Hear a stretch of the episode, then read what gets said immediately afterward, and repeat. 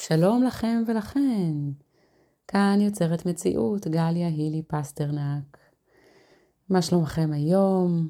היום יום אה, שלישי, 30 לינואר, אה, ואני מיד אה, מקליטה ומשדרת את הפרק, פרק מספר 21. מסתבר שהפרק הקודם שהקלטתי היה 22 ושכחתי את 21. וזה קרה בגלל שכנראה כתבתי ומחקתי ולא בדיוק יודעת. לא משנה. בואו נעבור הלאה. בואו נחזור לחיים ולעניינים. אה, פרק מספר 21 היום. מה עושות הילדות בלילות? הילדות, הנשים, הגברים, כולם וכולן. אני רוצה דבר ראשון להקדיש את הפרק הזה באהבה רבה למאזינה שין, שבזכותה היום אנחנו נבקר בממלכת הלילה. מרחב שלא עלה בדעתי לדבר עליו אפילו, אבל הוא כל כך נוכח, כל כך חשוב, משפיע, מכריע, עמוק. מה לעזאזל קורה בלילה? נייר הלקמוס של החיים שלנו, שנפגע ונחבט ונחבל כל כך הרבה פעמים במהלך החיים. אנשים שעוברים בין יבשות למשל, טייסים, דיילות, אנשי עסקים, אנשים שצריכים להתעורר למטופלים שלהם בלילה, אנשים שעובדים במשמרות לילה, אמהות ואבות לתינוקות, אנשים שלא מצליחים להירגע, לדומם רעשים, להפסיק לחשוב. השינה היא הראשונה שמשלמת את המחיר. כמו שתמיד אומרים שכל בעיה רגשית או נפשית ישר עולה על האור. נכון? המעטפת שלנו. מתח, לחץ, מועקה. אם אנחנו לא מצליחים לטפל ולשחרר, המון פעמים יכולים להופיע גירודים, קילופים, פריחות, סדקים, דימומים, אפטות. אני לא רופאה, אבל אני מכירה ומזהה את הדבר הזה. אותו דבר השינה. כמה היא חשובה לנו, זה כמו אוכל. אם אין שינה, אין תפקוד, אין הזנה, אין התחדשות, אין שיקום, שחרור, עיבוד, הרף. יש המשך ישיר של סיוט. הרי בואו המציאות היא לא מציאה. רוב הזמן מאבקים. רוב הזמן to do list שלא נגמר. אגב הפרק הקודם. בערות אני זמינה, והעולם כל הזמן פונה אליי, ומטריד ודורש ותובע, מבקש וצועק לך באוזן. למה את לא זמינה? למה את לא עושה בזמן, בגודל ובאיכות? בערות, לא רק העולם עולה עלייך, גם את, את, מחוללת מהומות בתוכך, טורקת דלתות, נתקלת בפינות, מקללת, צועקת, מאבדת סבלנות. מה כבר ביקשת?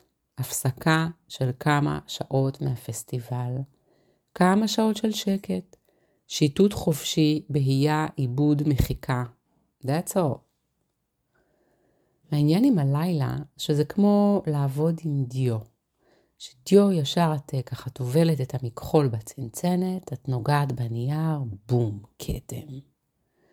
יש בלילה איזה אמפליפייר שמתדלק, מחמיר, מגביר מעצים את הבעיות שלך.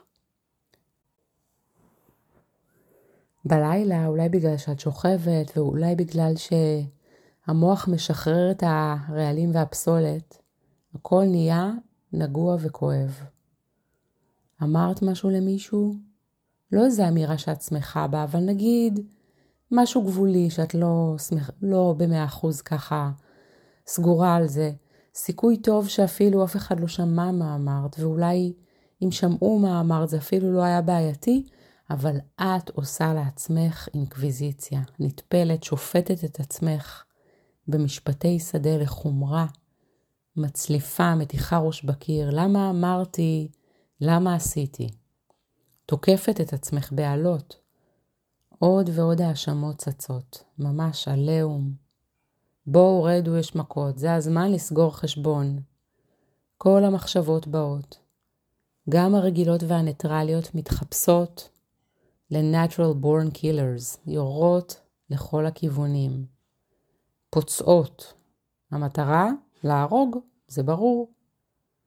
מן הסתם, מזמן את כבר לא במצב מאוזן, כבר קמת, את מסתובבת בבית חבוטה מהמכות. בחילה, סחרחורת, כאב ראש, בא לך להפוך שולחן. כולם ישנים סביבך, אלא מה? ישנים עמוק. את היחידה עם בעיית השינה הלא מוצהרת, מסתובבת בבית כועסת. אני צריכה את השינה הזאת, יש לי מחר יום מטורף, איך אני אעבור אותו בלי שינה? כבר עכשיו אני כועסת ועייפה מהמחשבה על מחר, אבל השינה רחוקה ממני שנות אור. כל מחשבה מרחיקה אותה עוד יותר. כל מחשבה היא כמו גפרור למדורה. לפעמים לילות כאלה באים אחד אחרי השני, זה כבר יכול להיות ממש מסוכן. זה יכול לגרום לאובדן שפיות ממש. הרי מניעת שינה זאת שיטת עינויים ידועה ומוכרת, נכון? ככה שוברים אנשים. פעם הייתי מעירה את דני, כל הזמן. מתחילה לדבר, מספרת, מפרטת, מגוללת את כל הרגשות שעולים לי, הפחדים, המועקות. לדני אין בעיית שינה, הוא ישן כמו אבן, וכשהוא ישן הוא ישן. אני אפילו לא יכולה להתחיל להבין את המנגנון הזה. איך, איך אפשר כאילו ככה באמת להתנתק ופשוט לעבור צעד אל ממלכת השינה. עכשיו דני אף פעם לא כעס עליי, הוא ביקש ממני להפסיק עם המונולוגים הליליים, כי הוא הצליח גם להקשיב לי וגם לישון ביחד. ובבוקר הוא בקושי זכר, ואם הוא זכר זה לא גרם לו לישון פחות טוב, כי הוא בן אדם בריא. אני מרגישה ששינה עמוקה וטובה מעידה על נפש בריאה. אני כמובן לא מדברת על מקרים שבהם לוקחים תרופות שמטשטשות, מעלימות, מוחקות חרדה או מעודדות שינה, אני מדברת על ה-natural sleepers, אנשים ששמים ראש על הכרית, ותוך זמן קצר נרדמים, וואו, מדהים. אז uh, היום יש uh, המון המון דיבורים על היגיינת שינה. מה זה אומר? כמו שאת לא אוכלת פיצוחים, במבה ושוקולד, ואז הולכת לישון עם כל הפירורים של הדברים דבוקים לך לשיניים, למסיבת חיידקים, ככה את אמורה להתייחס גם למרחב השינה שלך. היגיינת שינה זה ללכת לישון בשעה די קבועה, לא מאוחרת, בלי מסכים, בלי עיתונים, בלי חדשות שמתסיסות ומעוררות דופמין, בלי הודעות עבודה כאלה שאת לוקחת למיטה, בלי אלכוהול, בלי עישונים. פיג'מה נוחה, מיטה נוחה, מצעים נקיים, להוציא את הנייד מהחדר, לסגור אורות. זהו. אני רוצה להוסיף להיגיינת השינה את החוט הדנטלי של הנשמה.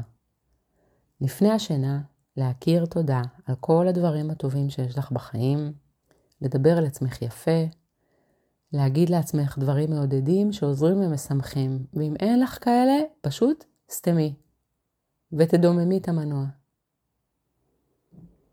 כמה חשוב להתאמן בליצור כוונון נשמתי או רוחני רגשי לפני השינה. זה דבר גדול מאוד.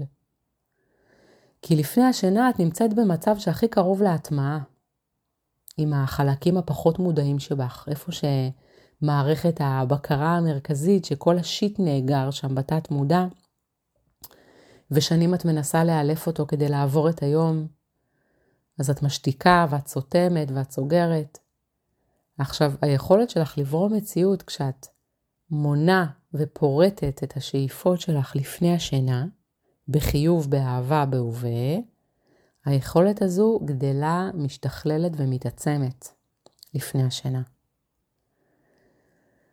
עכשיו הגילוי נאות, השינה שלי לא היגיינית בכלל. אני לא מנקה את סביבת השינה שלי ממכשירים או חדשות. אני שוכבת מול הנייד עד שאני נרדמת כמעט תמיד. עושה סיבוב על האפליקציות הקבועות שלי ומקנחת בחדשות.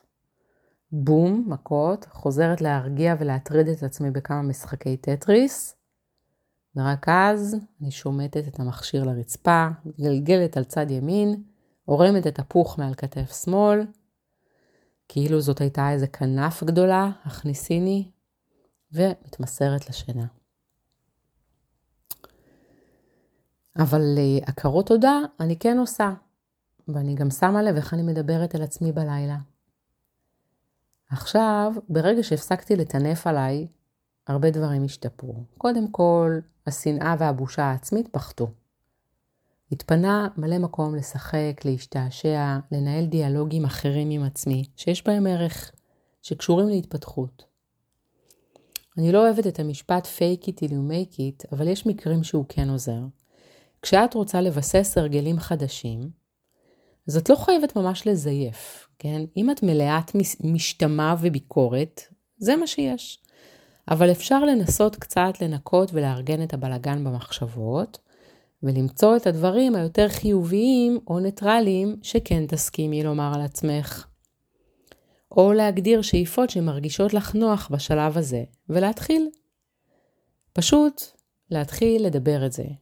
ככל שתעשי את זה יותר, זה יהפוך להיות כמו איזה מין תיק חיובי כזה, שנפתח לך ערוץ בתוכך של תשדורות מרימות, מועילות, מחזקות. מה שיפה הוא שהרגלי היום משפיעים גם על הלילה. אז אם פתאום את מתעוררת באמצע הלילה כשמפלצת כבדה חונקת לך את בית החזה, והערות פותחת את השער למצודה שלך, וכל האויבים מבחוץ נכנסים על סוסים וקלשונים, לדקור, לבזוז ולהרוס, אז בדיוק שגרת המלמול החיובי מופיעה, ומזכירה שיש דרך נוספת להתייחס לעצמך. יש מה לעשות בקשר לזה. לדבר עם עצמך בשפה חומלת, אוהדת, מכבדת, מיטיבה. כמו שמלמדים אותך במכון הורים לדבר אל הילד. אה, אני רואה שקשה לך עכשיו, את חנוכה, זה מובן, זה ממש לא נעים. קחי רגע כמה נשימות, תנסי להרפות את הגוף, שחררי אוויר בנשיפה חזקה.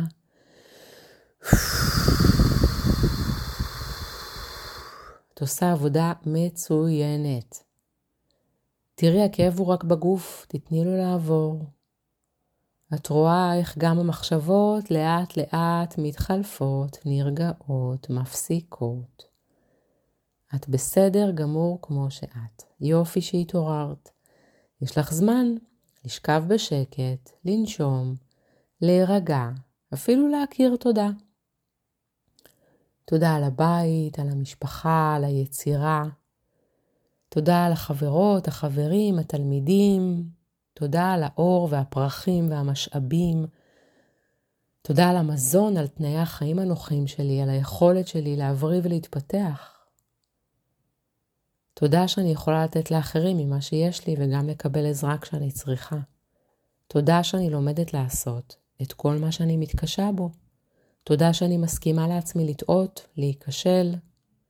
שאני סולחת לעצמי כשאני יוצאת מדעתי ומתפרצת, כשאני לא מתפקדת. תודה שאני לא עושה עניין ממה שלא צריך. יודעת להניח לדברים בצד ולהתקדם הלאה. תודה שאני יכולה לחייך חיוך מלא וזורח, ולהדליק איתו לב של מישהו אחר. אז עכשיו, לקראת סוף הפרק, אני מזמינה את כולנו לקחת אוויר, להוציא אותו כמובן, ולחייך חיוך גדול מכל הלב שמיועד לנו. תודה רבה לכן ולכן שהקשבתם ושהייתם איתי היום בפרק מספר 21 של יוצרת מציאות על ממלכת הלילה. אמ, ותודה לשין שבזכותה הפרק הזה הוקלט, ותודה לכל מי שהגיבו ומגיבות וכותבות לי כמה הן נהנות מהפודקאסט. תמשיכו לכתוב, זה תמיד מרגש וכיף לשמוע, מפצירה בכן. ולהפיץ ולשתף את מי שנראה לכם יכול להתעניין, תמיד בכיף. זהו, שיהיה לכם המשך שבוע טוב, אוהבת אתכן, להתראות, כאן גליה פסטרנק, ביי ביי.